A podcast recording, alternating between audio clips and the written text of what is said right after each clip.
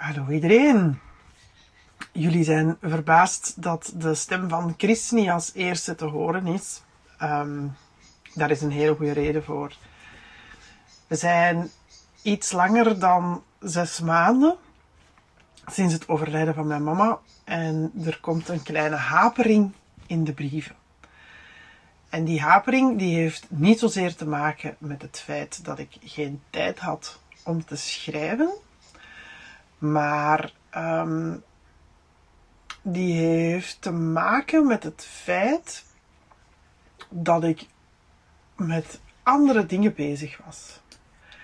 En uh, op zich denk ik dat dat ook wel goed was. Want dat wil zeggen dat mijn aandacht en mijn focus na die periode tussen geslingerd zijn tussen verleden en toekomst, dat die dat ik opnieuw aandacht kreeg voor de dingen die gebeurden in het hier en nu.